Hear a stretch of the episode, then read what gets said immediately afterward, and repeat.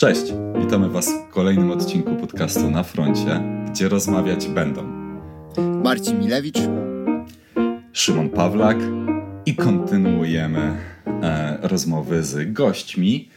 Kolejny raz, kolejny raz u nas Marcin Ludwik. Marcin, przedstaw się proszę. Cześć, nazywam się Marcin Ludwik. Ogólnie jestem programistą i specjalizuję się w architekturze frontendowej od kilku lat.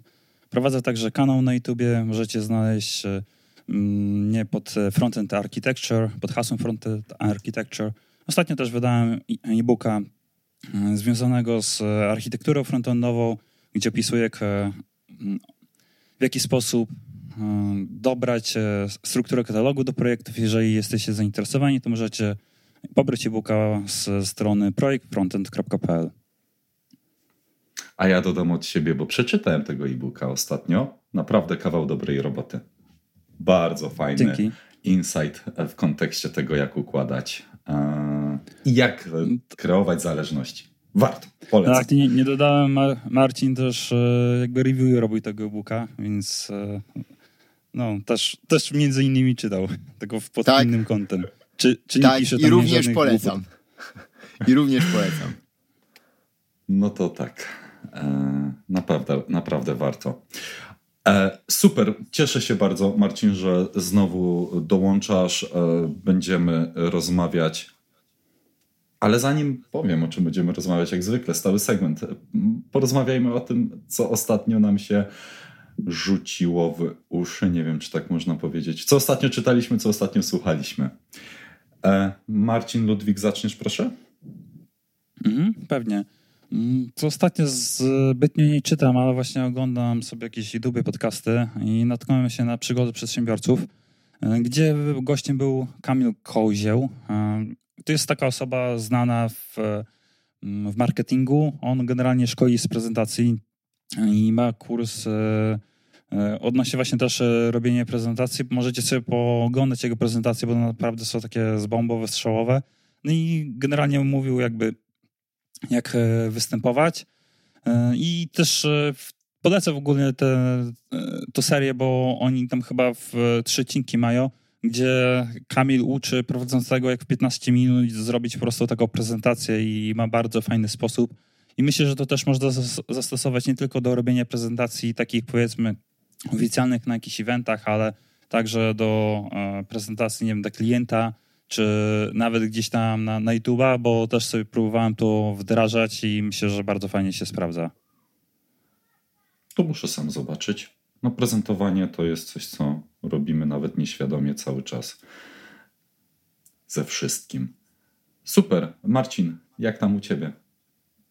Marcin ja ostatnio dużo rzeczy słucham.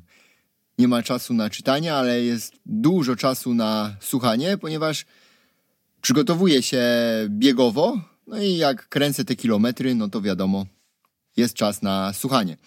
I co ostatnio mi wpadło w pamięć, to może z drugiej strony. Co mi się nie spodobało? Słuchałem książkę Otoczeni przez psychopatów, chyba Tomasa Eriksena i niestety musiałem ją wyłączyć. Dotrwałem do połowy i takie straszne wodolejstwo, nic konkretnego, mało faktów i tak naprawdę nie, ja nie zrozumiałem, jaki jest w ogóle cel tej książki. Ale wracając też do tematu y, czegoś y, ciekawego i de facto tematu biegania, to polecam podcast na kanale bieganie.pl, wywiad y, z Henrykiem Szostem, naszym najlepszym maratończykiem w historii. Odcinek jest zatytułowany jak wygląda trening maratończyka. Polecam, bo jest to naprawdę, nawet dla ludzi, którzy nie jakoś nie są, nie pałają miłością do biegania, albo jeszcze nie wiedzą, że im się to podoba, to pada tam bardzo dużo ciekawych stwierdzeń, ciekawych takich opowieści z tego świata. Naprawdę dobrze się tego słucha, nawet jeśli nie jesteście biegaczami. Tak, mogę potwierdzić, Marcin, że ja też próbowałem przeczytać tą książkę, o której wspomniałeś. Nie udało mi się. Otoczeni przez, tak? Dobrze pamiętam tytuł? Psychopatów, tak. Otoczeni przez psychopatów. Tak, tak. Nic ciekawego. Chociaż może komuś się spodoba, ale tak. na mnie. ale bardzo fajne e, odwrócenie, e, żeby przestrzec, a może właśnie ktoś przeczyta, powie, a nie, jednak mi się podoba. Ciekawe. Dobrze, co u mnie w takim razie? Ja miałem za to odwrotnie, Marcin, do ciebie ogrom czasu na czytanie i ogrom rzeczy przeczytałem. I przed e, odcinkiem się zastanawiałem, czym się podzielić. Mm, ale podzielę się technikaliami. Odkąd nagrywaliśmy odcinek e, State of JS, tam poznałem podcast Syntax, o którym wspominałem. I cały czas weryfikuję, co nowego y, wypuszczają autorzy tego podcastu. I ostatnio przesłuchałem dwa odcinki. One są krótkie, dlatego powiem o dwóch. Pierwszy to będzie Roundup Sick AI Tools for Developers. Fajne przejście przez najbardziej popularne narzędzia, w szczególności dla JS deweloperów związanych z AI-em. No i tam jest taka mm, bardzo szybka i może powierzchowna, takie insighty, e, jakie narzędzie jest fajne, co jest, mm, co jest podobne do Copilot, czyli że już AWS wydaje swoje narzędzia. E, też mamy narzędzia, które można lokalnie odpalać. Chodzi o to, żeby nie mieć problemów z tym, że wysyłamy swój codebase, swoje dane gdzieś na serwer. No to są też narzędzia, które starają się ten temat zaopiekować i całą solucję masz lokalnie na, e, na swoim PC czyli de facto z punktu widzenia jakiejś security i legal to mm, powinno być wszystko fajnie. Polecam, bo tam 8 bądź 9 narzędzi, w szczególności jako pluginy do, mm, do, do IDE jak VS Code czy WebStorm. A kolejny odcinek to był What are headless components? I tutaj rozmawiają na temat tego, co to znaczy w ogóle koncept headlessu w kontekście komponentów, CMS-ów. E, też polecam, bo wydaje mi się, że ten nurt staje się coraz silniejszy, czyli e, chcemy mieć, nie wiem czy można tak to nazwać, behawiorystykę komponentów i coś, jak, w jaki sposób się zachowuje, a nie narzucony wygląd e, czegoś. I tutaj mamy ten temat poruszony. A to Marcin, jest... widzę Twoją rękę podniesioną. Tak, tak. E, a to nie jest znowu wynajdywanie trochę koła na, dno, na, na nowo i zastanawianie się, jak zrobić dobry moduł? No bo na backendzie, w systemach jakichś, e, nie wiem, nawet Windowsowych, tak, e, operacyjnych mm -hmm. i tak dalej, no to ten, podejrzewam, że problem ten został w dużym stopniu rozwiązany. Tak, e, jak od Zależy, co rozumiesz jakiś moduł. moduł. No, no moduł to jest jakaś semi nieza, jak jest sami niezależna jednostka, tak, która, e, nie wiem, na przykład e, z DDD to byłby mikroserwis, tak? Czy, czy na przykład jakiś mikroserwis, to może być modułem tutaj, tak? Jeżeli to teraz w kontekście frontu weźmiemy, no to też prawdopodobnie taki powiedzmy komponent, jeżeli chcemy, żeby był niezależny, to będzie albo aplikacją, albo e, dużym wycinkiem funkcjonalności, który będzie miał w sobie własny jakiś store, jakiś UI i tak dalej, nie? Czy w, jeżeli chcemy, żeby to była niezależna jednostka, no to inaczej się po prostu nie da. Jeżeli teraz przejdziemy do jakichś technikali, no to jeżeli pewnie by się zagłębić w jakieś rozwiązania, czy to e, systemowe, systemów operacyjnych, czy backendowe, czy po prostu z innych języków, no to bardzo dużo że tam po prostu tych e, problemów zostało rozwiązane i może wystarczyłoby po prostu je zaaplikować.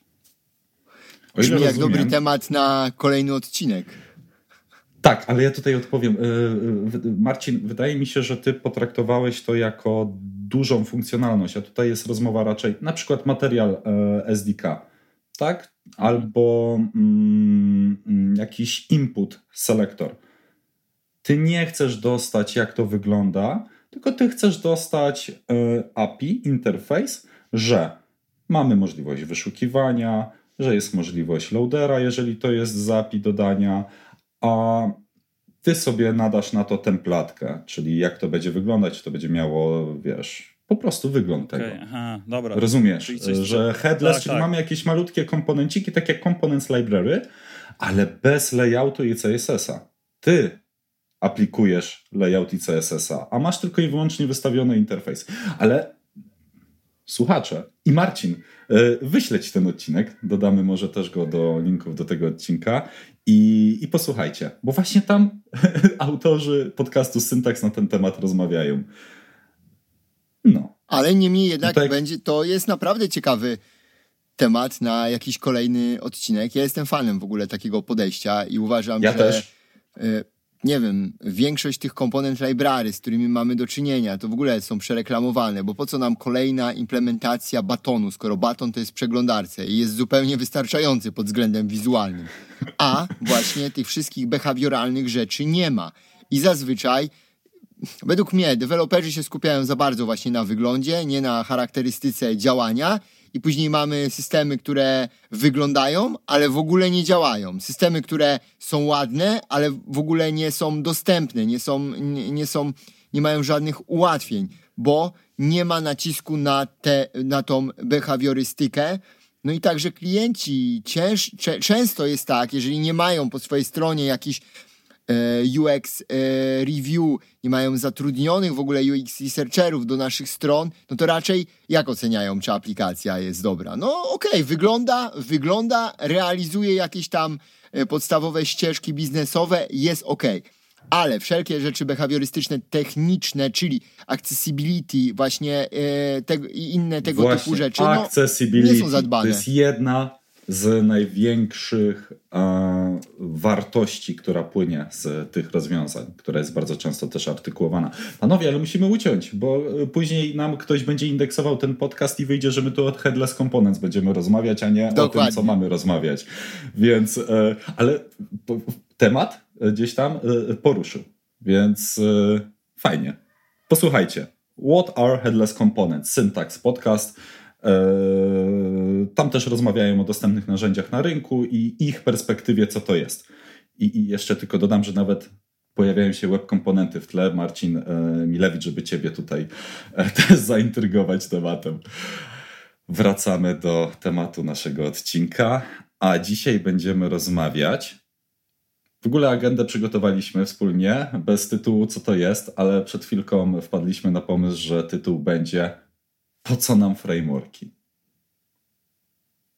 I o tym dzisiaj chcemy porozmawiać. Po co nam frameworki? E, wcześniejszy nasz odcinek był na temat e, porównania Angular i React, czyli dwóch największych graczy na rynku. Ale chcemy dzisiaj zrobić krok do tyłu i popatrzeć z no właśnie tej większej perspektywy. Ale po co nam to? i zaczniemy od tego, jakie ogólne, takie ogólne pytanie, jakie problemy rozwiązują frameworki e, w świecie JavaScript. I Marcin Milewicz, jaka jest Twoja perspektywa na to? Ja myślałem nad tym, po co nam frameworki, i wymyśliłem sobie taką parabolę. Zatem słuchajcie. Wyobraźmy sobie, Słuchamy. że nie wiem, część z nas ma dzieci. Ja nie mam, ale byłem dzieckiem i wszyscy w sumie byliśmy dziećmi, nie? I się bawiliśmy, załóżmy, w piaskownicy. I w tej piaskownicy mieliśmy, załóżmy, zadanie zrobić zamek z piasku. No i każdy z nas mógł wejść i ulepić go po prostu rękoma z piasku. Używając i niczego nie używając. Ale gdy na przykład ktoś nam zadał dodatkowe, dodatkowe zadanie, powiedział: a może byś zrobił jakiś zamek z wieżami. No to też byli, by, byliśmy w stanie zrobić te wieże po prostu rękoma. Ale kiedy mieliśmy wiaderko i mogliśmy sobie wsypać piasek i użyć wiaderka do tego, to było nam łatwiej. I te wiaderka, takie wiaderko, to bym utożsamił z biblioteką, czyli jeszcze nie frameworkiem. No i nasz zamek, załóżmy, powstał. I teraz ktoś sobie wymyślił, taki klient przysłowiowy, że chciałby, aby ten zamek był udekorowany gwiazdkami i rybkami z piasku. No i teraz, co moglibyśmy zrobić? Oczywiście moglibyśmy, moglibyśmy je jakoś ręcznie, też rękoma, rękoma e, sobie rzeźbić. Dałoby radę? No dałoby radę, oczywiście. Moglibyśmy wpaść na pomysł, to może zautomatyzujemy to, żeby było, za, żeby raz zrobić i będzie później nam lepiej. Czyli na przykład byśmy wzięli foremkę, ale zrobili ją sami, zbili z deseczek. I to utożsamiam z takim podejściem, że my jako deweloperzy stwierdzamy, ok, jeszcze nie chcemy, nie chcemy frameworka, nie chcemy biblioteki, sami napiszemy sobie reużywalny kod i będziemy tego używać. Ale oczywiście, jakbyśmy wzięli znowu foremkę takiej rybki, takiego, e, takiej gwiazdki, to byłoby nam łatwiej. I już byśmy mieli wiaderko, rybkę, e, gwiazdkę i inne rzeczy, które by były zadane. Oczywiście, o wiele byłoby nam łatwiej wtedy, kiedy by na przykład nie trzeba było zbierać, nie wiem, wiaderka z jednego sklepu, rybki z innego, yy, gwiazdki z innego, tylko na przykład kupić cały zestaw do budowania zamków z piasku. I to by był na przykład framework, czyli cały zestaw, w którym jeśli byśmy potrzebowali czegoś, to moglibyśmy to wziąć ze sobą i z tego skorzystać. A jeżeli byśmy czegoś nie potrzebowali, to nie musielibyśmy z tego korzystać. I wtedy Zamiast na przykład zbijać z, desecze, z deseczek, nie wiem, formę rybki, czy rzeźbić tą rybkę rękoma, moglibyśmy się skupić na przykład na tym, gdzie, gdzie ją umiejscowić, żeby to było ładne. I tym dla mnie są frameworki i taka parabola developmentu. Coś, co nam ułatwi. Coś, co nam praktycznie zawsze ułatwi. A jakie jest wasze zdanie? Marcin Ludwik. Tak, ja bym tutaj dodał, czy po pierwsze bardzo fajny przykład, bardzo obrazowy, e, tylko też tutaj dodał, że mm, te wymagania jakby się zmieniały e, na przestrzeni czasu i możemy w ogóle, żeby tak zrozumieć, po co nam są frameworki, jak to e, wygląda, to bym się w ogóle trochę cofnął do historii JavaScriptu i w ogóle zaczął może od tego, jak działa przeglądarka. Bo um, jeżeli ktoś nie wie, no to przeglądarka, jeżeli sobie napotka jakiś kod, czy to jest JavaScript, czy jakikolwiek, a czy zaczyna od tagów HTML-owych, tak? Później sobie zaczyna parsować e, CSS-y i JS-y. Ona ma sobie taki, taki, powiedzmy tam silniczek, który sobie leci po pętelce i te wszystkie e, rzeczy analizuje, sobie tworzy taki e, jakby drzewo dom, tak? I stąd później wziął się chociażby na przykład ten mechanizm Reacta Virtual DOM, ale do tego jeszcze zaraz za chwilę, dlaczego to powstało i po co. I teraz, jak sobie przeglądarka e, leci, persuje, e, to ona właśnie tworzy sobie obraz zarówno CSS-ów, jak i JS-ów.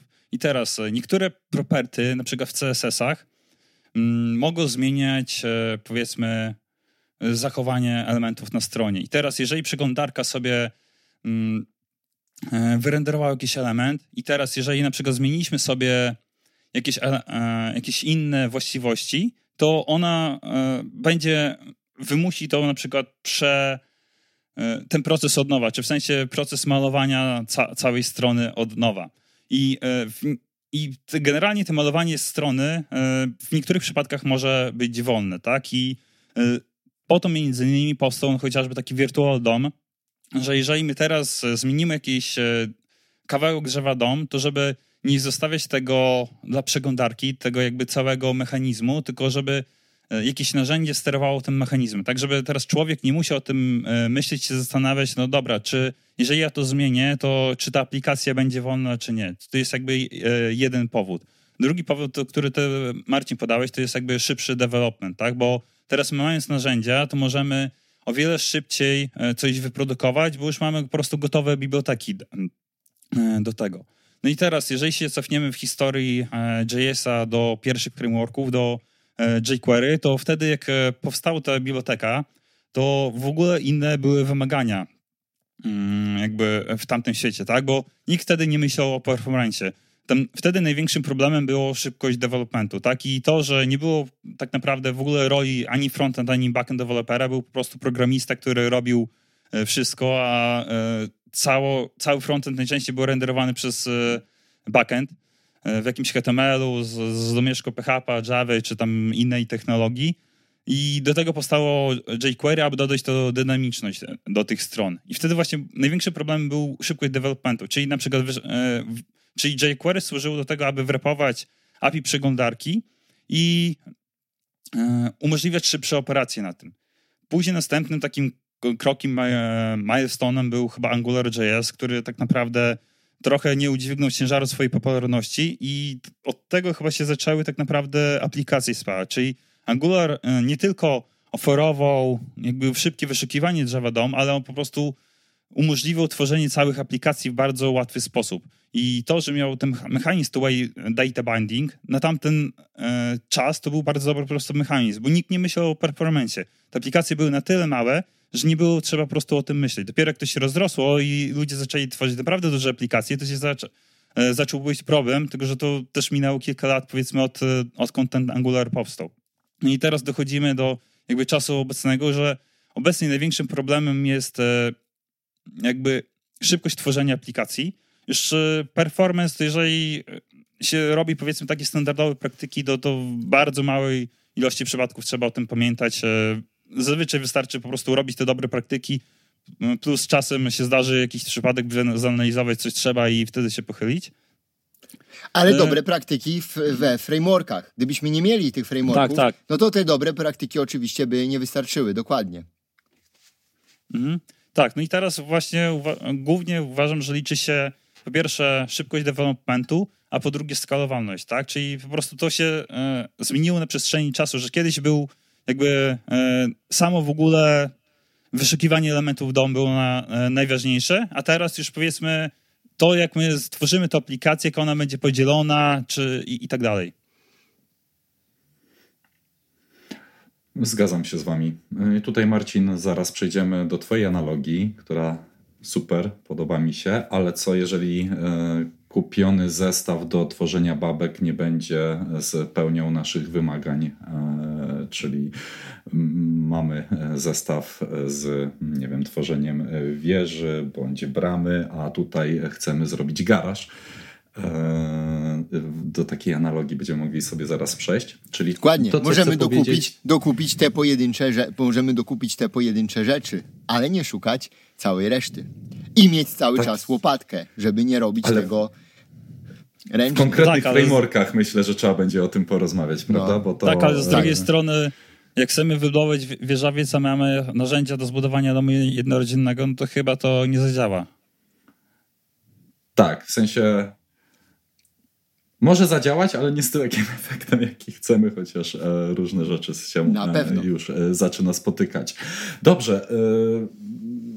Ja bym jeszcze dodał, to Marcin Ludwik, to co ty powiedziałeś, tak, historia cała. Wcześniej większość była robiona po stronie po prostu serwera, E, ten nasz frontend był traktowany po macoszemu, to były jakieś tabelki, HTML-ki i dodany śnieg, e, to o czym wiemy, żeby to gdzieś tam fajnie wyglądało. Powoli przenosimy tą e, możliwość operacyjną na przeglądarkę, bo nasze komputery personalne są coraz mocniejsze, możemy więcej tam udźwignąć, no i zaczyna być zaczynamy być w takim miejscu, gdzie ok, no to serwer może nam dawać tylko i wyłącznie dane, a my całość możemy robić po swojej stronie. I to, co było, no bo tutaj po co nam frameworki? No to JavaScript przed ES6 e, to był śmieszny język, trzeba sobie wprost powiedzieć, tak? To nie służyło do tworzenia aplikacji to była zabawka do dodawania śniegu. Tak? Oczywiście uwypuklam, Przed ES5, ale... Przed ES5, ES5, ES5 dokładnie. S5 dokładnie, już, już, już była lepsza, ale była ciężka do programowania. To 2016 rok, prawda? o ile, o ile 2016 to y, nie, nie, już wcześniej, wcześniej, wcześniej S6 była, wcześniej? a S5 to są jeszcze wcześniejsze, jeszcze wcześniejsze czasy. A śniegi i takie zabawy S3, która była no jak ja byłem w gimnazjum, to pamiętam, mam, mam, jeszcze taką książkę w ogóle i o nauka JavaScriptu i tam są dosłownie, dosłownie przykłady z dodawaniem śniegu, nie? Ale to ja byłem w gimnazjum w 2001 roku, no, no to, to, to te, te czasy wtedy to jeszcze S3 chyba, tak mi się wydaje. Dokładnie, a czy ja dokładnie. Tutaj, a czy ja się tutaj trochę nie zgodzę, bo sam język uważam, że jest bardzo potężny, tak? Tylko wydaje mi się, że nie było po prostu narzędzi jakichś sensownych, żeby go w efektywny sposób wykorzystywać. Bo samo to, że mamy prototypy, tak? I e, mhm. dzięki prototypom możemy mieć zarówno programowanie obiektowe, e, funkcyjne, czy w JavaScriptie można programować obiektowo, funkcyjnie, prototypowo. żadnych chyba, nie znam innego języka, który by coś takiego umożliwił, tak? Tak, tylko jeżeli teraz umiesz to, to, jest... to wykorzystać, to, to, to jest naprawdę potężne narzędzie. No dobra, Python jeszcze. A też ma, możesz tam proto... A chyba można w runtime nadpisywać, nadpisywać, tak? Czy nie? W każdym można. Tylko tutaj mówimy o miejscu, gdzie, mm, wiecie, nie było tego wszystkiego, nie było tych syntaksów, które mamy teraz, nie było dis nie, no, działał jak działał, wiecie, wynoszenie funkcji, e, jakby, no powiedzmy sobie szczerze, ludzie, którzy w 2000, no właśnie 10, 8 wcześniej mieli z tym styczność, mają prawo być obrażeni nawet do dzisiaj e, o to, jak to wyglądało. Tak? Teraz Marcin y, przyznaje rację. Potężny język. Potężny język dający potężne możliwości. No i chociażby co frameworki wykorzystują. No bo zobaczmy proszę, frameworki też mają różne paradygmaty. I to właśnie bazuje na tym, że JavaScript jest bardzo elastyczny Czyli pozwala nam to implementować i się bawić w funkcję, i się bawić w reaktywność, i się bawić w obiektówkę, prawda? Ale wracając, i jesteśmy w miejscu, gdzie tworzymy single page application, czyli my wszystko, praktycznie wszystko oddaliśmy przeglądarkom do tego, żeby e, ogarniały. Nie serwery, nasze przeglądarki, proszę ogarniajcie to. I właśnie mamy AngularJS, nokauty, backbony i tego typu e, rzeczy. I teraz to, co już powiedziałeś, Marcin, czyli jeżeli my chcemy połączyć e, naszą, nazwijmy to logikę biznesową, czyli mm, to, jak obsłużyć dane, czyli w, na przykład, że to ma się wyświetlić na, na, na, na, tym, w tym miejscu, bądź tutaj ma się zrobić jakieś wyliczenie, to to było dosyć trudne. I właśnie te two-way data binding bądź one-way e, direction data binding, cokolwiek, każdy ten koncept, który de facto jest podstawą w każdym z naszych frameworków, to jest to wielkie ułatwienie. To jest jedno. A druga rzecz to jest to, że mm, i tutaj muszę znowu wyartykować to, co powiedziałeś, e, czyli skalowalność. No bo jeżeli my tworzymy te nasze aplikacje i Mamy problem z tym, czy się CSS-y nam nie nadpisują, tak? No bo nie mamy jakiejś enkapsulacji, nie możemy tego zrobić reużywalnie. Musimy wymyślać cały czas jakąś nową nazwę klasy, bądź obawiać się, że to zostanie nadpisane. Oczywiście możemy wchodzić w tego typu szczegóły, jak wymyślanie konwencji nazewniczych dla CSS-ów, etc., ale to był problem. I tak samo właśnie z JavaScriptem, tak? Czyli jakaś modułowość ja nie chcę mieć w jednym, wszystkiego w jednym pliku, tak? Ja bym chciał sobie podzielić tą aplikację, ja chcę zrozumieć, ja chcę czytać jak z książki. No i tutaj wychodzą frameworki, moim zdaniem, które pomagają Wam właśnie w tych aspektach. I oczywiście performance, tak? E, ale to jest pewne pokłosie, to jest coś, co musimy też mieć, no bo ten punkt e, ciężkości z serwera na przeglądarkę po prostu zostaje przeniesiony i dzieje się to po prostu w e, runtime. Marcin Ludwik, coś chciałeś dodać? Mm, tak, jeszcze bym dodał tutaj odnośnie tej modułowości, bo coraz więcej firm widzi mm, potrzebę jakby nieduplikowania kodu, czy wręcz nawet aplikacji, tak? Czyli jeżeli stworzyli oni jedną aplikację, Teraz nie chcą, e, a widzę, że na przykład inny dział e, potrzebuje podobną funkcjonalność, to oni nie chcą teraz tego pisać od nowa, tylko chcieliby jakoś zintegrować e, z inną gamą aplikacji, nie? I tutaj wchodzimy właśnie już w jakieś architektury rozproszone, gdzie na backendzie właśnie się dało to zrobić wydaje mi się trochę łatwiej niż na frontendzie to architekturę rozproszono, bo wystawiało się po prostu serwis gdzieś, odblokowało go się po prostu na świecie i można było się do niego dobić. E, na frontendzie te problemy są trochę bardziej skomplikowane, bo już tak łatwo na przykład nie wrzucimy sobie innej aplikacji do innej aplikacji, bo na przykład mo mogą być konflikty frameworków i, i tak dalej.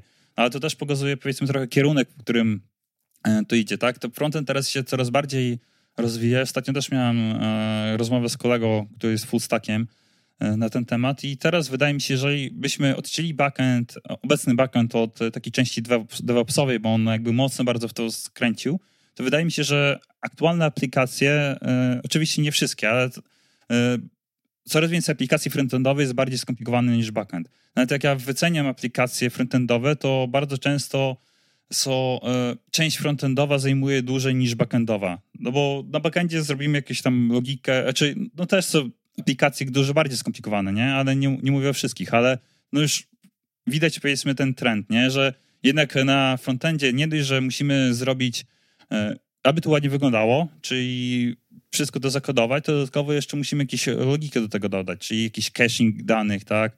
E, tryb jakiś offline bardzo często pod mobilki, zrobić RWD, e, cache danych backendu, no dużo takich po prostu rzeczy dochodzi. Nie? Czyli jakby no nie, nie tylko powiedzmy, że już część logiki zostaje przesunięta e, na frontend, albo przynajmniej jakieś rzeczy związane z kaszowaniem, no i do tego jeszcze mamy to część UA-owo.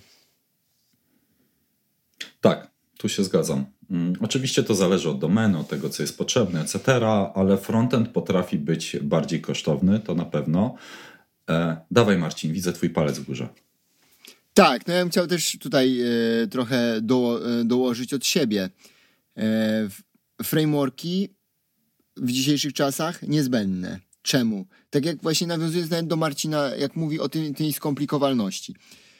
Kiedyś się tak mówiło, że tak naprawdę frontend to ma pobrać dane i wyświetlić. No i to jest tak samo prawdziwe jak stwierdzenie, że backend ma tylko wyciągnąć bazy, dane z bazy i je wysłać. Czyli nieprawdziwe po prostu, bo świat jest zupełnie, świat jest zupełnie inny. Najlepiej by było, gdyby tak było, że po prostu frontend to, co dostaje, ma wyświetlić. To jest dobra praktyka, tylko że jeszcze frontend ma działać, bo on nie tylko robi, nie robi tylko getów, ale jeszcze robi, y, robi całą, y, cały szereg akcji różnych kreacyjnych. I tutaj pod spodem musi być do tego y, bardziej skomplikowana logika. Ja nawet bym tutaj wbił kił w mrowisko, jeżeli i powiedział coś takiego, że po prostu, jeśli ktoś uważa, że mu framework w aplikacji, nie, oczywiście nie mówimy, ja nigdy nie rozmawiam o skrajnościach, bo ktoś zaraz by mógł powiedzieć, ok, ale tu jest taka aplikacja malutka, tutaj nie potrzeba. Nie, nie rozmawiamy o skrajnościach, rozmawiamy zawsze o tej najwyższym punkcie na krzywej Gaussa, czyli o tym, czego jest najwięcej. Więc e, przechodząc do rzeczy, ja uważam, że jeżeli ktoś uważa, że nie potrzeba frameworka, to po prostu jest bardzo, jest bardzo po lewej stronie na tej krzywej Dunninga-Krugera i po prostu nie wie, że co on będzie jeszcze potrzebował, bo nie ma takiej wiedzy, bo tak naprawdę nie potrzebuje frameworka. Okej, okay, ale to może nie wie właśnie o, to o tym, co na przykład mówił już Marcin tutaj, e, Ludwik, o całym, e, o całym mechanizmie templatkowania, o całym wirtual e, domie. Ja widziałem taki projekt, że napisali sobie, de deweloperzy wyszli, ok, robimy czysty JavaScript, zupełnie wystarczy, wyświetlanie danych. No i napisali tam kupę kodu. Zobaczyli, że dużo się powtarza i stwierdzili, ok, no to może zrobimy jakieś tutaj e, funkcje kreacyjne, żeby do tych komponentów, dodawanie templatki. Zrobili. Nawalili strasznie setki linijek kodu zupełnie nie, takie, takie no, no, które de facto robiły tam jakieś tam e, rzeczy generyczne, nie? I tak ja tak na to patrzę, no pełno logiki, już tego nie, nie, nie, nie można zrozumieć, a najważniejszych rzeczy nie ma, czyli i tak strona się przeładowuje, na każdym kliknięciu cały, cały, cały repaint idzie, nie? I tak naprawdę aplikacja, e, na aplikację stracono bardzo dużo czasu i ona nawet nie robi, nawet nie robi minimum tego, co obojętnie jaki framework dałby out of the box, yy, czyli jakiegoś Wiadomo, są lepsze i gorsze e, mechanizmy e, do, do tego repaintingu, czyli tak zwany no, detekcji, detekcji zmian. Różnie to frameworki nazywają, ale zawsze chodzi o to samo. Jedne robią frameworki lepiej, drugie robią gorzej, ale ważne, że robią. I tutaj super to, co też Marcin powiedział, że jeżeli będziemy iść praktykami, to nawet nie musimy o tym wiedzieć i będziemy mieć dobre aplikacje. A zazwyczaj większość deweloperów właśnie o tym nie wie. Jak nie pójdzie praktykami frameworków, tylko pójdzie czystym JavaScriptem, JavaScriptem to to jednak się nie wydarzy out of the box i aplikacja z góry będzie po prostu pisana i skazana na to, że prędzej czy później i tak ktoś będzie musiał się przyznać, że ok, tutaj, tutaj był potrzebny ten e, framework. Tak. To ja dodam, jeżeli można. Mhm. To y, jeszcze bardzo ważny punkt, bo mówimy o dobrych praktykach w kontekście performance'u, ale ja muszę tutaj zaznaczyć security. Używając frameworków, my jesteśmy też o wiele bardziej bezpieczni w kontekście security. Po prostu, bo one też out of the box nam dają tutaj e, ogrom na narzędzi. No sanityzacji na przykład, no to jest najczęstsza rzecz. E, pisząc w JavaScriptie czystym, nie mamy tego. E, to, to jakby, Dokładnie. I też Daje można się... o tym zapomnieć, po prostu. Bierze się e... juniora do projektu, on robi, on y, ma zrobić jakiś widok, robi go, działa i to jest bezpieczne. A junior nawet nie wie, co to jest sanityzacja. Ale Dokładnie. aplikacja ma sanityzację. mamy to tak jeszcze, naprawdę za darmo. Jeszcze jedna rzecz, bo ja bym chciał kij w mrowisko włożyć, Marcin, tak jak ty powiedziałeś, z drugiej strony. To teraz tak, czytamy książkę Clean Architecture. I tam y, o frameworkach jaka jest mowa? Że framework jest czym? Jest szczegółem. Że powinien być bardzo łatwo zastępowalny. Że de facto nie powinien być driverem w kontekście e, tworzenia aplikacji. Ja mam swoje przemyślenia e, na ten temat, no ale w świecie JavaScriptowym, co wy myślicie o tym podejściu? Marcin Ludwik. Ja myślę. Proszę. A, przepraszam, bo Marcin Ludwik podniósł rękę, słuchacze tego nie widzą, ale ja tutaj będę wyłapywać te paluszki podniesione, więc Marcin Ludwik, byłeś pierwszy. E, dobra, jeszcze e, do tego przejdę, jeszcze się trochę cofnę do tego, co Marcin wcześniej powiedziałeś o tych frameworkach. To jeszcze dodam tak, że i tak koniec końców ktoś skończy po prostu pisząc własny framework, tylko minus będzie taki, że on nie będzie miał, bardzo często będzie miał słabe wzorce, będzie słabo napisany i teraz nowa osoba przychodząc do, projektu musi się nauczyć tego nowego frameworka, który nie ma dokumentacji. I, i no, też widziałem takie rzeczy, też napisałem w życiu własnego CMS-a, co teraz z perspektywy czasu widzę, że nie było, było całkowicie bezsensowne, bo można było wziąć WordPressa i po prostu sobie na tym postawić stronkę no ale człowiek uczy się na, na Oczywiście. I zamiast rozwiązywać problemy biznesowe naszych klientów, czyli główny cel naszej pracy, za to nam płacą, piszemy frameworki. I Dokładnie. A w ogóle teraz, czy to nie jest takie e, koło napędzające się, że później i później sami się śmiejemy z tego, że tyle frameworków jakiś po, e, powstaje. Ale no to może one dlatego powstają, bo, bo nikt nie ufa. Bo nikt nie ufa innym frameworkom. Dlatego ja, ja jestem daleko poza tym trendem. Dla mnie są frameworki, te największe, Ang Angular, Next, super. Zupełnie tak, wystarczające, się, że... żeby pisać i brać je i pisać w nich. Tak. Wydaje mi się, że nowe osoby, e, że ktoś, kto zaczyna pisać framework, myśli, że e, znalazł jakby panaceum na wszystko i że rozwiąże powiedzmy problem lepiej, ale wydaje mi się, że takie, coś takiego mogą powiedzieć osoby, które mają tam, nie wiem, z 20 lat expa i, e, i widziały już parę frameworków, przeczytały kod i, i tak dalej i na, naprawdę znają wzorce. Bo jeżeli za, zaczniemy pisać sobie, znaczy nie mówię, że powiedzmy napisanie nowego frameworku jest totalnie bez sensu, tak? Gdyby jednak powstają nowe twory typu Angular, React i tak dalej, tak, ale no trzeba jednak mieć trochę powiedzmy wiedzy teoretycznej, żeby nie wymyślać koła na nowo. I żeby na, serio wymyślić po prostu coś e, nowego, fajnego, nawet widać to po Angularze dwójce, gdzie widać, że ten team naprawdę się nauczył na po prostu błędach tego Angulara jedynki i teraz ten framework jest naprawdę bardzo fajnie przemyślany.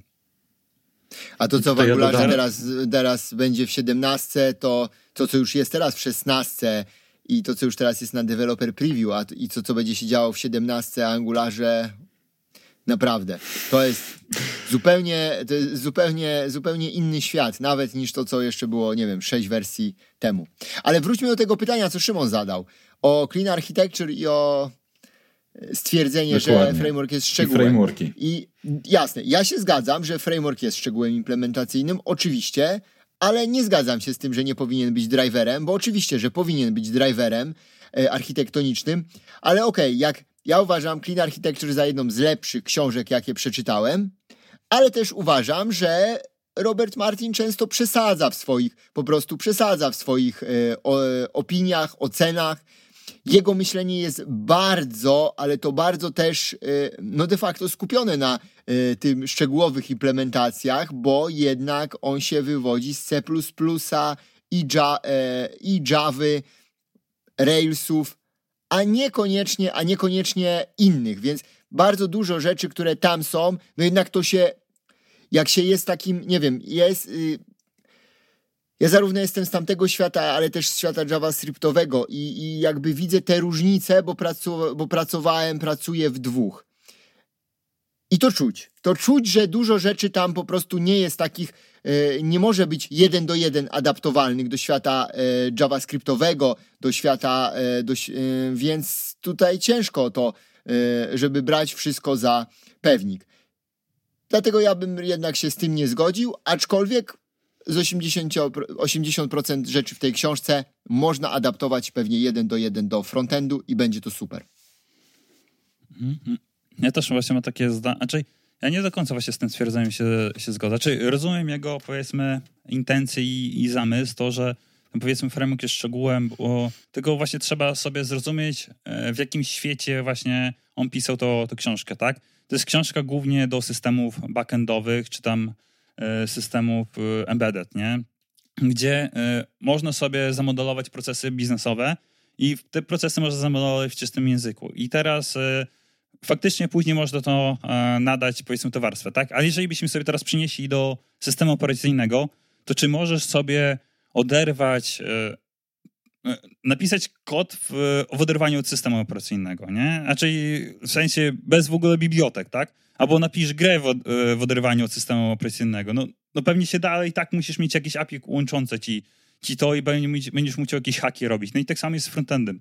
Niestety to jest tak wszystko powiązane, że nie da tego jeden do jeden oderwać, raczej dałoby się, ale po prostu ilość kodu, którą będzie trzeba napisać, będzie po prostu ogromna, nie? No bo de facto skończymy tak, że będziemy e, albo wszystko w jakichś web komponentach i pisali w czystym CSS-ie, e, później się zmieni framework i się okaże, że wyjdzie jakiś nowy super framework i się okaże, że będziemy musieli całą aplikację przypisać, bo nawet ten nasz super pomysł generyczny to był dostosowane do obecnych frameworków, ale już to, co nowego wyszło, to już się nie sprawdza. No i tak, no do, do powiedzmy do, do systemu backendowych, gdzie możemy sobie zamodelować ten e, dziedzinę czy ten model danych, no to jak najbardziej, nie? Możemy sobie to napisać w czystym, w czystym jakimś języku. Ale chociażby na Ale tutaj też bym się, wiesz, ja tak, tutaj mam nawet przykład, do tego wąt, y, wątpliwości. Ja na przykład do Javy. Nie, jesteś super Javowcem. Nie znasz Springa nikt cię nie zatrudni. Znaczy, dobra, też skrajności są, oczywiście, nie rozmawiamy o skrajnościach. Są prace, gdzie cię zatrudnią na, e, na e, podstawowym SDK, ale jak nie znasz Springa, Oczywiście, jesteś super Javowcem, lekko się tego nauczysz. Zajmie ci to bardzo szybko, spokojnie się nauczysz. Tylko jak cię zatrudniają, to ci nie płacą za to, żebyś ty przyszedł i się uczył yy, tego frameworka, bo pra, tylko za to, żebyś przyszedł i najlepiej umiał w tym frameworku programować, bo tak naprawdę nawet jak nie umiesz programować dobrze w danym frameworku, a musisz z nim działać i jesteś super programistą, to zazwyczaj będziesz hakował framework, bo będziesz używał super y, patternów, bo nie będziesz miał świadomości, że te patterny są out of the box, pod spodem już za, y, za, y, zaimplementowane i najważniejszą rzeczą to jest mieć świadomość, że one są, jak one działają pod spodem i jak tego w prosty sposób używać, żeby znowu nie skupiać się na nie wiadomo jakiej, na wynajdywaniu koła na nowo,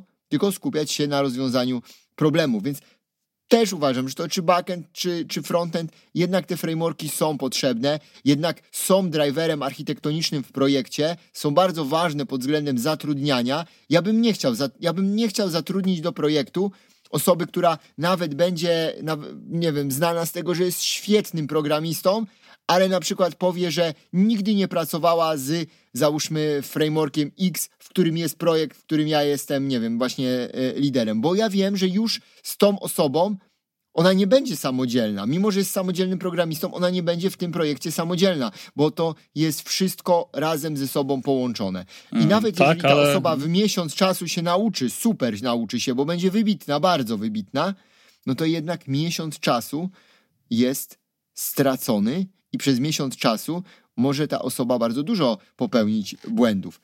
Wszystko też zależy, oczywiście, wszystko zależy od podejścia, tylko umówmy się. Jeżeli mamy jakieś projekty RD, to my możemy się bawić w poce, kombinować, uczyć się nowych frameworków, patrzeć, czy to nam wyjdzie, w jakichś startupach, robić MVP w jakimś czymś, y, w czymś właśnie nowym, bo może się okazać, że jest szybsze, robić złe praktyki, bo i tak to będzie przepisane po MVP. Ale jeżeli my pracujemy w projekcie, które, którego już stricte celem nie jest RD, robienie MVP, tylko wytworzenie konkretnej, konkretnej wartości, dużej wartości, fajnej wartości w sprawdzonych, w sprawdzonych narzędziach, bo ten etap wyboru narzędzi już minął, był parę lat temu, no to inaczej to trochę się odbywa, według mnie. Mm, tego wiesz co, wydaje mi się, że e, tej książce Clean Architecture e, nie są napisane z, z zamysłem, że ty w ogóle nie potrzebujesz frameworka. Także powinieneś mhm. core aplikacji napisać e, w czystym języku, nie? I po prostu ukryć wszystko za interfejsami. I teraz na przykład e, masz jakiś interfejs do wysyłania, pobierania danych i na to nakładasz warstwę frameworka, już który to faktycznie implementuje, tak? tylko wydaje mi się, że trzeba znaleźć złoty środek, bo na przykład ciężko się oderwać na przykład w dotnecie, w C-Sharpie od dotneta robiąc aplikacje webowe, nie? Czy w sensie w ogóle tam nic innego nie istnieje i teraz możesz tu ukrywać wszystko za warstwą interfejsów, ale pytanie po co? Bo i tak nie ma innego w ogóle frameworka, tak? I więc po co tak, się no takie rzeczy mówię. bawić? O, no tym, to, o, o, to mi dokładnie ale, o to mi chodzi. Szymon? Ale no? to Martin odpowiada po co, tak? Właśnie tu jest chyba ta perspektywa, która wydaje mi się mhm. pana Martinia, Martina trochę e, inna niż nasza, a mianowicie on tam daje, ja teraz trochę z pamięci, ale on tam daje przykłady tego typu, że tworzyli oprogramowanie, które nie wiem, coś jego UI-em było drukowanie, czyli wiesz, nie miałeś UI-a czy coś tam, ale później UI-em był właśnie monitor, tak? Później UI-em był właśnie web i on, i on miał aplikację, która musiała po prostu y, zmieniać się, adaptować do tego. Czyli wiecie, aplikację, która żyła 10 lat, i dlatego jego perspektywa jest taka, że no, interfejsy i takie pożenienie się mocne z, czy znaczy interfejsy, przepraszam, e, frameworki, pożenienie się z tym, e, wtedy mocno blokuje, żeby przejść gdzieś indziej. I on później mówi, w świecie internetu trzeba być przygotowanym, że przecież ta aplikacja może w przyszłości być e, właśnie, nie wiem, hologramem, VR-em czy, czym, czy czymś takim. Ale to jest perspektywa moim zdaniem taka, gdzie myślimy, że dana aplikacja będzie żyła 30, 40, no może przesadzam, ale N lat, prawda? A nie zawsze aplikacja na tyle jest przewidziana. Wiesz, ale I czasami o wiele łatwiej jest napisać od nowa, tak? I tyle. Będzie hologramem, to użyjemy frameworku do budowania aplikacji hologramowych. Będzie, będzie e, stroną. No tak, ale czy może zaadaptować to, co. stron internetowych. E, no, no oczywiście, że może zaadaptować, no bo to jest ten, dlatego robimy e, te, całą tą separ, e, separację warstw i warstwa logiki jest odseparowana jak najbardziej, prawda? Tutaj to raczej tak, to chyba... o tym, że znowu o podziale back-end, frontend, więc tutaj kwestia tak, i, i dodatkowo interfejsu, nie? Wydaje mi się, że mm, mam trochę niezrozumienie z tym, bo ja dalej uważam, że powiedzmy powinniśmy sobie rozbijać na jakieś warstwy, tak? Tylko, że nie zawsze się opłaca robić już powiedzmy takiej warstwy abstrakcji na ostatnią warstwę frameworka, żeby na przykład go w przyszłości zmienić, bo nie zawsze ma to sens, nie? I, i fa Dokładnie. faktycznie tak. rozdzielenie tej powiedzmy logiki od warstwy prezentacji, czy zwracania powiedzmy, czy to będzie w JSON, czy HTML, czy cokolwiek innego, ma jak najbardziej sens, ale czy teraz na przykład e, tworzenie interfejsu dla kontrolera w języku, w którym mamy tylko e, jeden framework i tylko jeden sposób pisania ma sens, no, no nie wiem, czy ma, czy, czy, ma sens. Może po prostu lepiej użyć po prostu tego kontrolera. Jeżeli w przyszłości naprawdę wyjdzie coś super no, nowego, to wtedy się zastanowię, że w sensie koszt y, dewelopowania tego przez 20 lat może być po prostu niższy niż y, później dodanie, bo może się okazać, że po prostu ta aplikacja 20 lat nie dożyje. Trochę mi się wydaje, że zboczyliśmy w ogóle z tematu, bo to jest już kwestia zbierania wymagań, oceniania ryzyka i w ogóle. Ja też uważam, że koszt y, jeżeli by trzeba było zmienić, to wtedy się zmieni i, i użyje innego frameworka właśnie po tej zmianie i tak będzie to tańsze niż gdybyśmy mieli to pisać wszystko e, w czystym, w, czy, w czymś czystym, bez żadnych tuli, e, tulów, bo i tak może to się wszystko zmienić i będziemy musieli to przepisywać. Więc ale Dokładnie. to jest zupełnie chyba już inny temat, wydaje mi się. Ale Wróćmy dobrze, do że go poruszyliśmy. frameworków. Ja tylko, tak jest, Marcin, ale tutaj tylko podam, e, zepnę klamrą. Chciałem go poruszyć, bo mnie to zaintrygowało, jak pierwszy raz czytałem Clean Architecture. I to przeczytałem. I chciałem, żeby tutaj słuchacze mieli e, jakąś naszą perspektywę na to zagadnienie, żeby nie było tak, że właśnie, a to nie, to ja nie chcę się w takim razie łączyć z żadnym frameworkiem, bo przeczytałem Clean Architecture i tutaj mi tak powiedziano. Oczywiście spłycając i skracając cały temat. Wracając do frameworków, do frameworków to porozmawiajmy teraz w kontekście. Teraz właśnie pytanie do Was, bo mm, fajnie by było, gdybyśmy dali te różnice e, dla każdego z frameworków. Oczywiście nie dla wszystkich, bo nie we wszystkim e, mamy doświadczenie, ale generycznie, gdybyśmy przeszli sobie teraz przez ekosystem frameworków czyli tą ich największą wartość, o której już zaczęliśmy wspominać. Ekosystem, czyli te e, mm, wiadereczka, łopateczki, które używamy do budowania, tak? Czyli e, routing, czyli dodawanie PWA, czyli server-side rendering, czyli translation i tego typu rzeczy.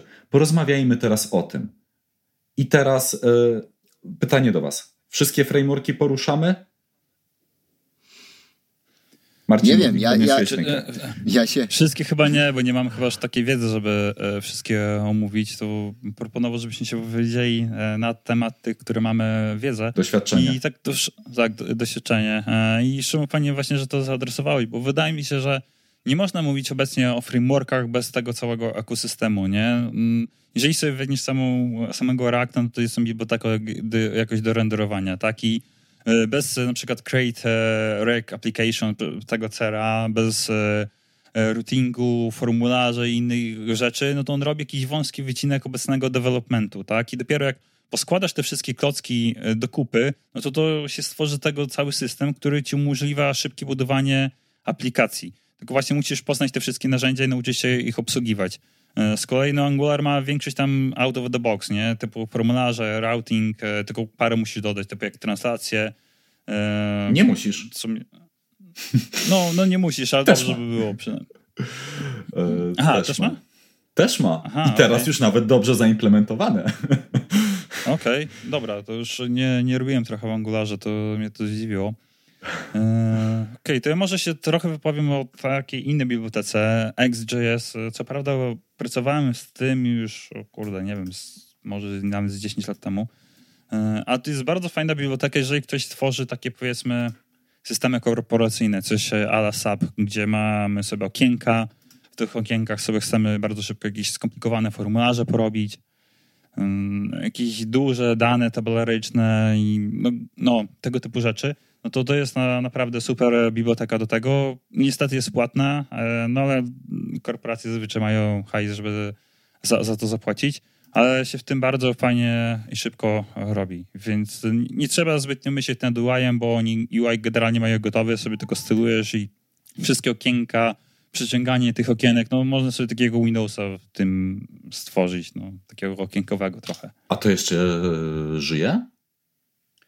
Ja nie wiem, bo ja pierwszy raz o tym słyszę, jeżeli mam być szczery. E, nie wiem, które teraz musisz sprawdzić. E, ostatnio kiedyś sprawdzałem, a to chociaż kilka lat temu było XJS 6, e, no i z tego co wiem, było to rozwijane jeszcze.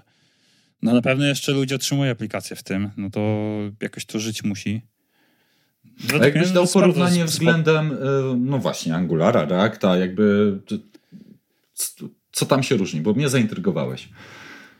E, wiesz co, tym przede wszystkim, że mm, to jest nie, no, to masz jakby to jakby porównać hmm, piszesz aplikację na Windows i masz gotowe kontrolki do y, zrobienia aplikacji desktopowej versus piszesz to w DOSie i musisz to sobie samemu napisać. Okay. Wszystkie, Czyli to jest rozszerzenie nie? biblioteki e, frameworku o jakąś bazę komponentów, tak? Tak, i tak, tylko oni właśnie mają te komponenty bardzo dobrze napisane, bo oni generalnie bazują, cały ich framework bazuje po prostu na okienkach. Jeżeli chcesz stworzyć jakąś taką aplikację skomplikowaną jakichś systemów finansowych, tak, bo to też trzeba sobie powiedzieć, że to nie sprawdzi się wszędzie, nie? A jeżeli masz bardzo dużo danych, masz jakieś e, skomplikowane bardzo formularze, e, systemy finansowe, jakieś korporacyjne, coś ala SAP i tak dalej, no to myślę, że w takich rzeczach się świetnie to sprawdzi bo chociażby mają super zaimplementowane modele, które możesz sobie w ogóle e, przesuwać, zamykać, e, otwierać te modele nachodząc na, na, na siebie i to jest naprawdę bardzo łatwe te, te tworzenie tam takich rzeczy. Czyli to po prostu jest taki, no nie wiem, no obecny Angular czy po prostu na sterydach, jak powiedzmy stosujemy ten cały ekosystem, to jeszcze byśmy do, dorzucili do tego jakieś masę komponentów do właśnie jakichś modeli, yy, ta, ta, e, tabel i tak dalej i to byśmy mieli po prostu taki XJS. O proszę. Tylko, no, że to jest płatne. Nie słyszałem. Jeżeli chodzi o ekosystemy, to mm, tutaj będzie nawiązanie do wcześniejszego też odcinka, ale tak, e, Angular daje nam wszystko, 90%, jeżeli mam strzelać, e, razem ze sobą. Nie musimy zastanawiać się, jak inaczej obsłużyć zapytań HTTP, nie musimy zastanawiać się, jak obsłużyć routingu, nie musimy zastanawiać się, jak pisać CSS-y i tego typu rzeczy. Wszystko mamy out of the box. W kontekście Reacta, jeżeli chodzi o ekosystem, no to tak jak wspomniałeś, to jest tylko i wyłącznie biblioteka mm, do One Way Direction Data Bindingu i tyle. Tak na dobrą sprawę. I tutaj musimy sobie sami wybierać dodatkowe toolingi do obsługi routingu, e, do obsługi pisania CLI, w sensie tworzenia jakichś komponentów, tworzenia, bootstrapowania aplikacji. I tutaj React tego nie dostarcza, ale dostarcza to community, które nie jest powiązane z Facebookiem zazwyczaj i dla niektórych rozwiązań mamy N e, możliwości, na przykład dla routingu bądź dla tworzenia formularzy. E, I tutaj, jeżeli na przykład jest się dobrym deweloperem, który ogarnia jakiś pewien set reaktowy, to niekoniecznie będzie dobrym ogarniaczem reaktowym w innym secie. Tak, bo tam może się okazać, że będą inne toolingi użyte, czyli będzie formik zamiast jakiegoś tam innego narzędzia formularzowego. W Angularze bardzo, e, w sensie to jest plug and play. Angularowiec wchodzi z jednego projektu do drugiego i działa. Oczywiście spłycam i w jakiś sposób uwypuklam e, zależności od kodu w Angularze też można napisać, także nic nie jest zrozumiałe, ale mówimy o koncepcie bibliotek, które używamy, czyli ekosystemu e, tych elementów, które tutaj są e, dostarczane.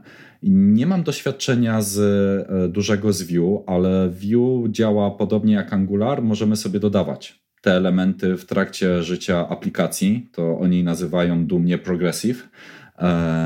Progressive Framework, gdzie jeżeli chcemy mieć na przykład bibliotekę do zarządzania stanem, no to w pewnym momencie życia sobie ją dodajemy i ona jest utrzymywana przez Community View, po prostu.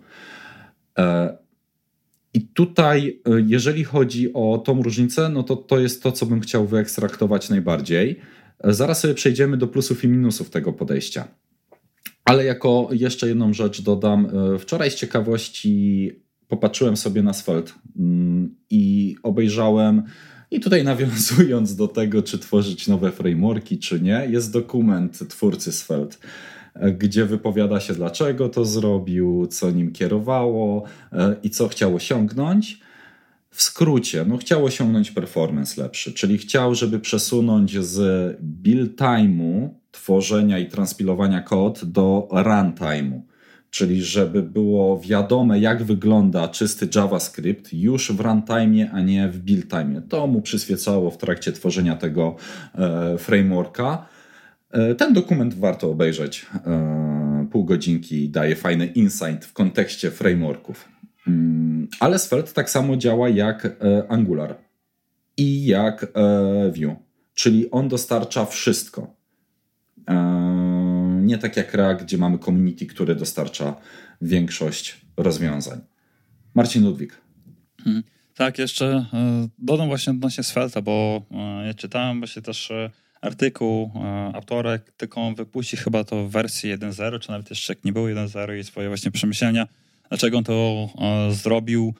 W ogóle właśnie zaczął od tego performance'u, tak? Tylko mm, no właśnie zawsze jest powiedzmy jakaś e, kwestia, powiedzmy, plusów, minusów, nie? No bo faktycznie osiągnął ten performance, ale te developer experience według mnie w Spolcie no, bardzo mocno ucierpiał przez ten performance. Bo przynajmniej w tych początkowych wersjach, nie wiem, jak już tam dawno tego nie, nie śledziłem, ale w tych początkowych wersjach to serio było trzeba się nauczyć w ogóle tego Svelta, jak on po prostu działał i, i tak dalej. Do, dosyć mocno wejść, żeby pisać te, te aplikacje i ten syntax nie był taki fajny, dodatkowo nie było TypeScripta i tak dalej, więc no zawsze jest powiedzmy jakaś e, no są plusy i minusy każdego z rozwiązań. Chyba się poprawili w tym kontekście. Jak ja sobie patrzyłem na przykładowe example kody, to powiem Ci, że dosyć fajnie to wygląda. Tam jest koncepcja zaciągnięta z view, czyli że mamy jeden e, folder per wszystko, jeden, tak, jeden plik per wszystko, czyli że mamy CSS-y, E, HTML i skrypty w jednym pliku o rozszerzeniu i teraz nie pamiętam jakim. To jest koncept z Vue podobny, czyli jakby mamy one file per functionality, tak? E, no i trochę Reacta, tak na dobrą sprawę, o ile skonfigurujemy ten sposób też Reacta, co jest w opozycji do Angulara. Znaczy, można tak robić w Angularze, żeby nie było, ale to jest antypattern tak na samym końcu. I wydaje mi się, nawiązując do Svelte, że w wersji i znowu, chyba czwartej, bo teraz już mamy czwartą, to odrobili lekcję. To było dla mnie zrozumiałe. Bardzo zrozumiałe.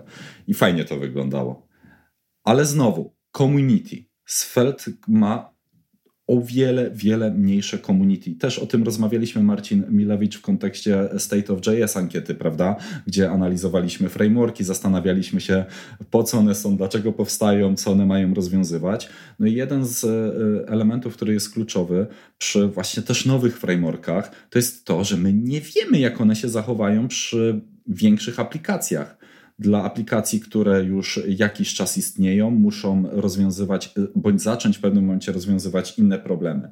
Svelte on nie chce powiedzieć, że jest nowy, bo to jest 2016 rok, więc on już zdążył e, porozwiązywać pewne problemy, ale jego community jest n razy mniejsze niż Angulara Reacta, gdzie problemy, które zostały przez no, prawie 10 lat napotkane, z bardzo dużym prawdopodobieństwem to zostały rozwiązane.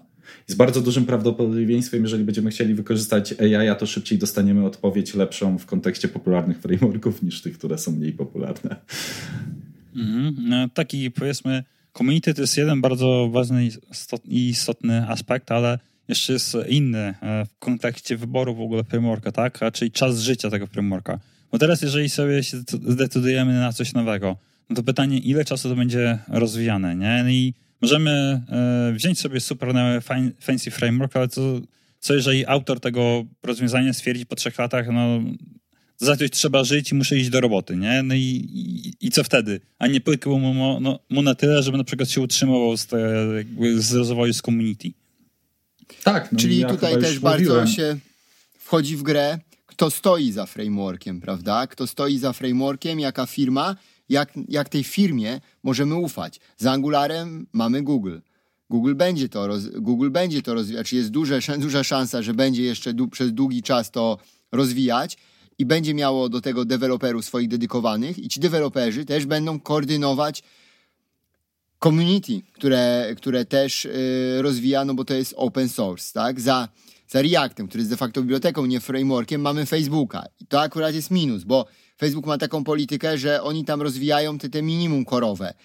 Sami mają o wiele lepsze komponenty do Reacta, ale one nie są wypuszczone jako open source na światło dzienne, tylko są używane typowo internalowo. A sam React jako biblioteka jest tylko na zewnątrz. No ale mamy jeszcze Nexta, tak?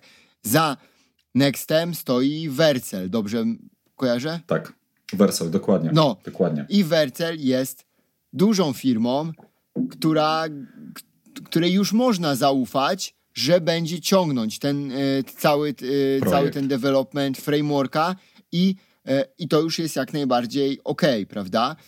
Jeśli chodzi o wszystkie te egzotyczne twory, nie wiem, Svelte, Solid.js i tego typu rzeczy, tak, tam nie mamy żadnej dużej chyba firmy za, za tak mi się wydaje. Nikt nie Svelte to jest Ionic.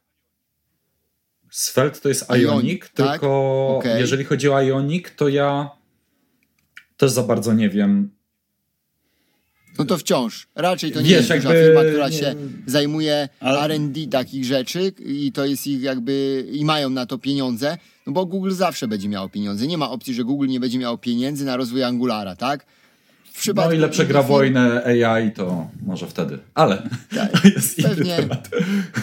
Tak, ale to y, nie tylko jakby samą, powiedzmy, to rozwija daną bibliotekę czy framework, nie, ale cały ekosystem. No i teraz, y, jeżeli sobie weźmiemy jakąś bibliotekę, y, a był jakiś czas tam przy, głośny, trochę się odbił echem w świecie JS-a, Gostek, który chyba Core JS-a rozwijał, taką wiadomość napisał, że on to rozwija ileś lat i e, nie ma z tego kasy i, i, i tak dalej, nie?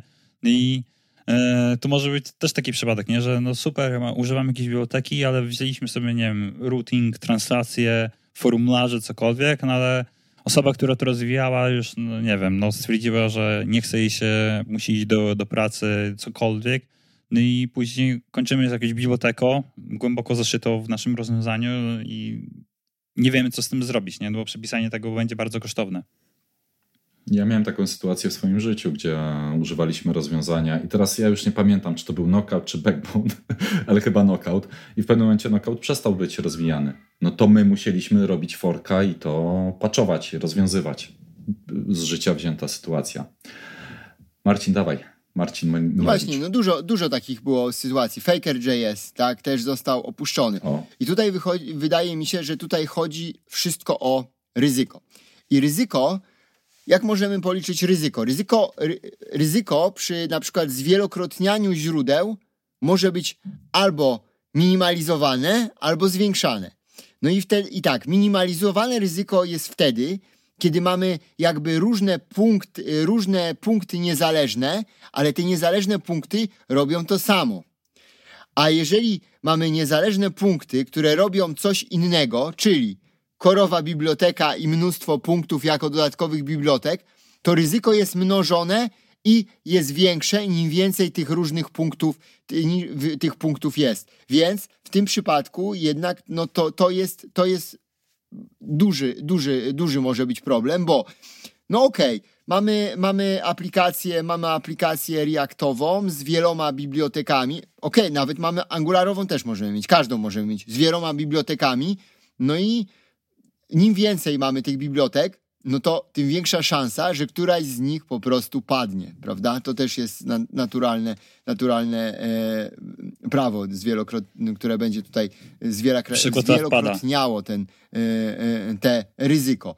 Więc najlepszą sytuacją jest po prostu minimalizowanie tych, minimalizowanie tych zależności do jak najmniejszej ilości. No i teraz za, załóżmy zostajemy przy tej jednej, jednej zależności, główny framework, nie? No i teraz tak. E, nie, jednej zależności piszemy w natywnym JavaScriptie. Nie, nie, nie piszemy. Nie, ja, nie, nie, nie, nie, piszemy, ja wiem, dobrze, zwiększamy. Zwiększamy zależność. absurdalnych, nie, tak, nie rozważam.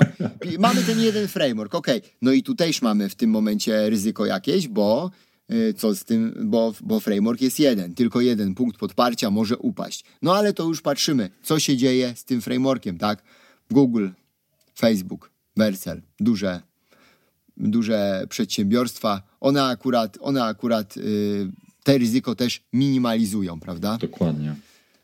W ogóle w świecie frontendu zaczyna pojawiać się taki trend, bo ja mam wrażenie, że y, byliśmy w takim trendzie bardzo mocnego open source'a, prawda? Czyli każdy pisze te biblioteczki, my je bierzemy, używamy, y, czyli wszystko załatwiamy bibliotekami trzecimi, bo ludzie to zrobili za darmo i właśnie dają do użytku. Jest fajnie w tym open source'ie się y, gdzieś tam taplamy i korzystamy z tego nie pamiętam gdzie, ale bardzo fajny odcinek słuchałem, e, podcast związany z tym, że to może zostać e, wyparte na rzecz płatnych właśnie rozwiązań, na rzecz tego, że już nie open source, żeby dać ci tą pewność, że hej, ty za to płacisz i my ci gwarantujemy, że to będzie działać i to będzie dostarczane, prawda? Yy, I tutaj to też w pewien sposób może minimalizować takie mm, ryzyko, y, używając tego typu narzędzi. Tutaj, co to wspomniałeś, Marcin Ludwik, jak to się nazywało? Yy, e, Core.js? Nie, nie, nie. XJS. Tak, no, płatne rozwiązanie, o ile dobrze mówisz, gdzieś tam to jest jeszcze żyjące. I ja nawet o tym nie słyszałem, ale przez to, że jest płatne, no to oni się obligują. Oczywiście znowu, to jest ryzyko, ale zmniejszone, tak? Nawiązując do tego tematu. Może ten nurt open source'a i miliard bibliotek otwartych, których możemy korzystać, będzie się zmieniał. Mm, to też jest taki problem, że te osoby rozwijające te, to jest, e, jak jeżeli popatrzysz sobie na przykład na YouTube'a, nie, no to tam osoby e, nie chcą robić treści też za friko, nie? Czy no mamy teraz jakąś tam monetyzację chociażby z reklam albo możemy kogoś, e, nie mamy, mamy e, rzeczy typu Patronite, nie? Na świecie developmentu trochę tak nie działa. No i teraz sobie trzeba pomyśleć, czy osoba, która e, po godzinach rozwija jakąś bibliotekę, tak, to okej, okay, może przez kilka tygodni, miesięcy, może rok, dwa, pięć porozwija, ale w, dojdzie w pewnym momencie do jakiegoś punktu krytycznego, bo nie wiem, się urodziło dziecko, założyła rodzinę, już nie chce tego robić, albo po prostu jakaś inna sytuacja życiowa, no i albo to zacznie monetyzować, albo, co, co, albo to zamknie ten projekt, tak? I no bo ile, trzeba sobie odpowiedzieć na pytanie, no i czy byśmy przez ileś lat robili coś za, za darmo dla, dla innych ludzi? No, w pewnym momencie będziemy chcieli po prostu wziąć za to kasę i według mnie to jest okej, okay, tak? No jeżeli naprawdę dajesz jakiś duży wkład, tylko właśnie jak pokazuje ten przykład Gostka, wydaje mi się, skoro gdzie jest, nie jestem, mm, dokładnie już nie pamiętam, to, że te community, powiedzmy, programistyczne trochę e, jest zbyt przyzwyczajone do tego, że rzeczy są za darmo, nie? Szczególnie w świecie JavaScriptu, nie? Że coś jest za darmo, no jak ja mogę za to płacić, nie? No jak ktoś to poświęcił masę czasu, żeby to na, napisać, żeby to rozwijać i często to po prostu robi na full etat w ogóle. Oczywiście nic nie ma tak naprawdę za darmo, bo zawsze os ostatnia osoba, co to robi, płaci swoim czasem, więc zawsze ktoś, zawsze po prostu ktoś płaci, nie? Tylko jak my tak, myślimy, że coś jest za darmo, to płaci autor swoim, swoim czasem, swoim, e, swoim życiem. My, dewelopując aplikacje, korzystając z framework, e, z darmowych, niby darmowych frameworków, też nie robimy tego za darmo, bo my, bo klienci za nasz czas płacą tak naprawdę. I to jest teraz kwestia, żeby wszystko przeliczyć. Czy, czy coś, jeżeli będzie płatne, to się może okazać, czy nie będzie w końcowym rozliczeniu tańsze, bo będzie dawało Dokładnie. szybszy time to market, prawda? I nie będziemy I musieli się tak, z tym... tego y, spania spokojnego, że ktoś zaraz nie sobie nie zostawi, e, będzie jakiś bug, błąd krytyczny, no okej, okay, sorry, ale jako, że community to robi, no to spróbujcie wy to rozwiązać. Zbyt dużo zależności, znowu, zbyt dużo zależności, na które nie ma człowiek mm, wpływu. Tak, a teraz e, też e, nawet biblioteki idą trochę w takim kierunku, że oferują powiedzmy jakiś core darmowy, ale ekstra rzeczy musisz płacić. Tak jest na przykład e, mój od Reacta, że oni na przykład gridy mają płatne, nie? No i teraz musisz sobie stawiając projekt odpowiedzieć na pytanie, czy czy potrzebujesz tak rozbudowanego grida? Jeżeli masz aplikacje gridowe, no to może lepiej po prostu zapłacić za to, niż próbować to napisać samemu, bo pewnie biznes by sobie policzył ilość czasu, który by zespół musiał włożyć na napisanie po, podobnych funkcjonalności, no to może nam się opłaca zapłacić te kilkadziesiąt, czy tam, nie wiem, kilkaset dolców, y, nie, nie wiem ile to tam kosztuje, tak, ale no, po prostu wyjdzie taniej. Na samym końcu może wyjść taniej, dokładnie. E, panowie, wydaje czy mi się, że temat czy mamy takie przegadany. biblioteki, nie? Jeszcze właśnie tutaj nawiązując, o, to ja w e, przeszłości swojej też korzystałem z takich rzeczy jak AG Grid, tak? Biblioteka do tabelek, nie? Tylko, że zaawansowanych tabelek, prawda?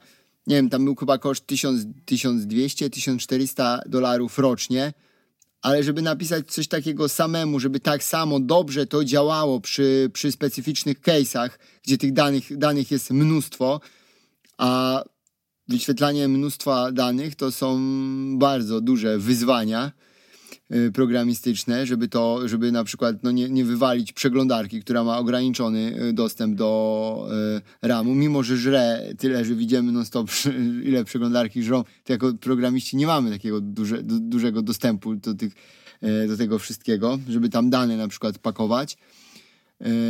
Czy na przykład wszelkie biblioteki do wykresów. Też można przecież, oczywiście można wziąć D3 i robić. Ja też pracowałem w projekcie, kiedy, gdzie tak zrobiliśmy. Jezu, przecież zrobić w tym D3 coś, żeby to jeszcze ładnie wyglądało, jakieś najprostsze, to naprawdę trzeba, e, mimo że ta biblioteka naprawdę dużo daje możliwości, to i tak trzeba mnóstwo czasu poświęcić, a można kupić highcharty za, e, nie wiem, tam kilkaset dolarów rocznie i zrobić pra prawdopodobnie to samo, nie wiem, tylko że w 30 minut, nie? Zamiast tam, zamiast tam dwóch tygodni, czy, czy więcej. I, i, co i tak nie będzie tak ładnie wyglądać, jak, jak highcharty, na którymi pracuje mnóstwo ludzi i decyduje się na jednak na tą, sprzed e, na tą sprzedaż. No i też takie highcharty można uz uznać za framework. Framework do wykresów, bo to nie jest, że my bierzemy, mamy 3-4 tam opcje wykresów, tylko my mamy tam po prostu wszystko, co jest potrzebne do tworzenia skomplikowanych wykresów i jak i również implementacji swoich.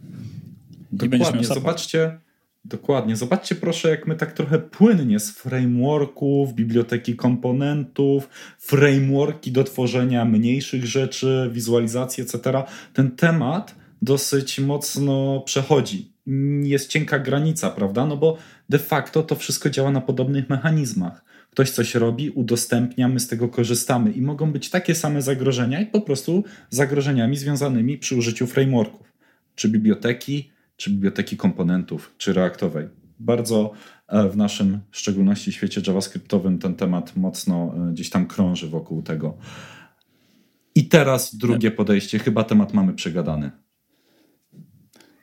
Myślę, że tak, chociaż jeszcze ja czekam jeszcze mm, na jakieś sensowne frameworki do WebAssembly. To, ten A, temat okay. mnie bardzo ciekawi e, i widzę w naprawdę duży tutaj, potencjał. Okej, okay. Ja powiem tak, bo e, pytanie, czy nam potrzebne są, nie? Frameworki jeszcze do WebAssembly, czy nie możemy po prostu korzystać z natywnych rozwiązań danych w danych języ językach, a z WebAssembly po prostu korzystać jako tej warstwy tłumaczącej, a duży postęp poszedł tutaj w tym kierunku.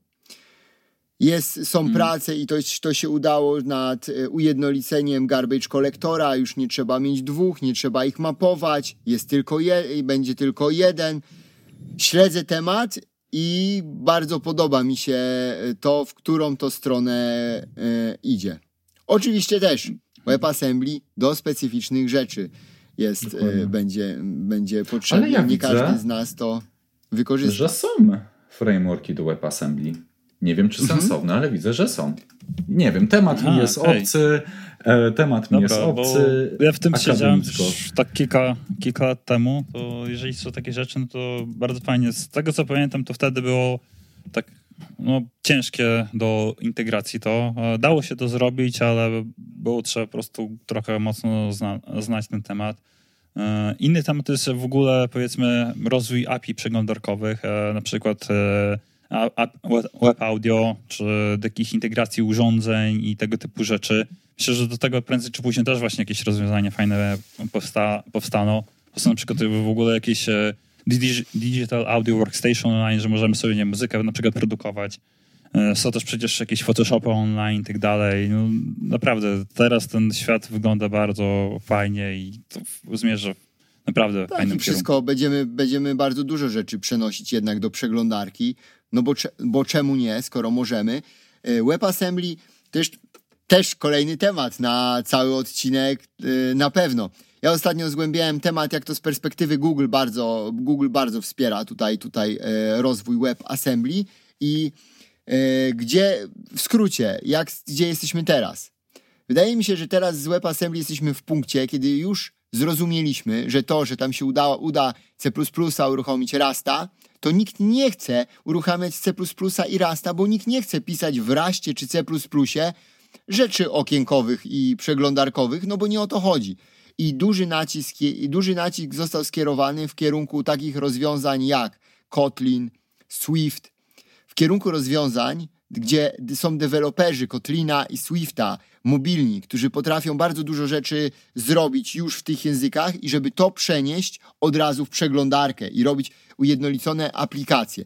I tam problemem były właśnie garbage kolektory, no bo te, pro, no bo, bo były dwa, tak, przeglądarka i platforma. No i długo, długo pracowali nad tym, żeby tu rozwiązać problem. Te garbage kolektory ewoluowały i w tym momencie już mamy takie pierwsze wersje że ujednoliconych garbage kolektorów, że zarówno platforma, jak i przeglądarka jest w stanie współdzielić pamięć i korzystać z jednego garbage, kolektora, dzięki czemu nie mamy tej nadmiarowości i nie musimy w przeglądarkę pakować, y, pakować dodatkowego tego językowego. I wydaje mi się, że to jest bardzo do, w dobrym kierunku idzie i że takie właśnie języki, szczególnie jak Kotlin, Swift, to są języki przyszłości do WebAssembly i raczej w tym będą powstawać te najbardziej popularne rzeczy. No bo jeżeli mamy pisać takiego, bo na pewno jest łatwiej napisać, nie wiem, Photoshopa, Photoshopa przeglądarkowego w, e, w Swiftie czy w Kotlinie, które też są dobre performanceowo, niż w super dobrym performanceowo Raście, którego niekoniecznie, który niekoniecznie ma taki dobry developer experience, prawda? No tak, myślę, że, e, że to jest jakby duży Więc tutaj się to bardzo ten... zmienia. Hmm. Bardzo dużo zmienia i idzie zupełnie w, inną kierunku, w innym kierunku niż to, od czego to wszystko się zaczęło, czyli RAS, C++ i tego typu rzeczy. Mhm. Tak, no właśnie WebAssembly wyszedł właśnie z tego trzeby, że chcieliśmy zrobić jakieś ciężkie obliczenia i wydalnie w przeglądarce, nie? I on właśnie super się do tego nadaje i właśnie języki takie jak C, Rust super to, to robią. No teraz, że mamy właśnie tych więcej e, języków, bo, bo faktycznie kiedyś był problem z tym garbage kolektorem, że yy, C to chyba tam trzeba ręcznie używać tego garbage kolektora. C nie, nie ma, C, jest... C, nie ma, C nie ma swojego. Tak, to nie, nie pamiętam, jak to jest. E, nie, nie pamiętam, jak to jest w Raście i tam te języki zostały zaimplementowane, bo w Javie, Swiftie i tak dalej, po prostu ten garbage collector jest automatyczny i oni mieli z tym problemy. Tak, Rust, Rust programistą Rasta nie jestem, więc tutaj akurat mogę coś powiedzieć złego, ale wydaje mi się, że Rust nie jest językiem, właśnie on nie ma garbage collectora, ale tak, e, czy e, już, e, już Kotlin, czy JVM, to mają swoje i E, no i teraz był taki problem, tak, że przeglądarka musi mapować te same obiekty i, i, i sprawdzać, które są, e, co jest, co, co może usunąć, co nie może usunąć, jak robić te, e, jak robić stop the wordy i, i tego typu rzeczy. No i w dwóch naraz, żeby to ze sobą koordynować, tak, bo to było bez sensu, żeby w ogóle w dwóch naraz to ogarniać. No i, ale złączyli, jest wspólny i mają rozwiązania, żeby był jeden wspólny i to uruchamia, uruchamia bardzo duży przeskok. Polecam bardzo tutaj akurat dokumentację od Google prosto, bo Google mocno wspiera teraz ten temat i bardzo ciekawe rzeczy można posłuchać. Ja myślę, że to jest temat na kolejny odcinek. Marcin, będziemy musieli też to przegadać. Jeszcze w tym ro- może jeszcze w tym roku zrobimy. Tak, musisz wrócić z wakacji wypoczęty, ja również i będziemy tak, nagrywać. Bo kolejka, tak, kolejka kolejnych odcinków już jest. Dobra, A jak to macie co? swoje, ja tutaj muszę Możemy... dodać Discord, mhm. mamy kanał. Jak macie jakieś e, pomysły, o czym chcielibyście, abyśmy porozmawiali, proszę piszcie. Jeżeli się z nami nie zgadacie z jakimiś tematami, proszę piszcie, a jeżeli się zgadzacie, to jeszcze lepiej jak napiszecie. Po prostu dajcie nam feedback. Trzecia próba. Temat mamy przegadany. Dzięki tak, bardzo, Marcin, że ponownie u nas wystąpiłeś. Bardzo doceniamy to, bo rozmowa niezwykle, niezwykle ciekawa. I może tak jeszcze jest. pewnie do zobaczenia, bo u, u, nas zawsze zapraszamy. Jeszcze myślę, że są niejedne tematy ciekawe do przegadania.